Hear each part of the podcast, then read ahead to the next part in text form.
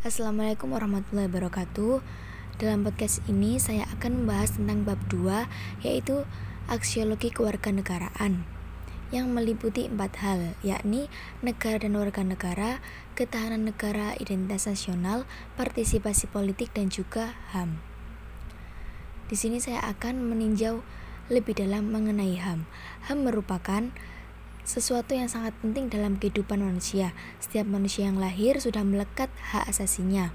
Orang lain tidak dapat mengganggu hak asasi masing-masing individu. Oleh karena itu, hak asasi harus dipahami oleh setiap orang.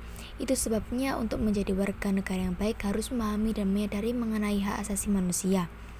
Baru-baru kali ini di Bangkalan terjadi pembakaran pelaku pencurian motor oleh massa.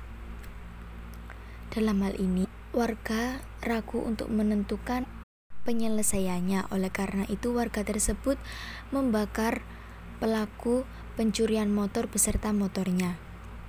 Tindakan hal ini merupakan tindakan main hakim sendiri.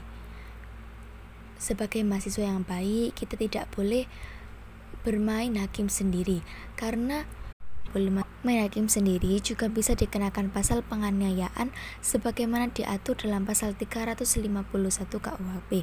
Pasal itu berbunyi 1. Penganiayaan dihukum dengan hukuman penjara selama-lamanya 2 tahun 8 bulan. 2. Jika perbuatan itu menjadikan luka berat, si tersalah dihukum penjara selama-lamanya 5 tahun.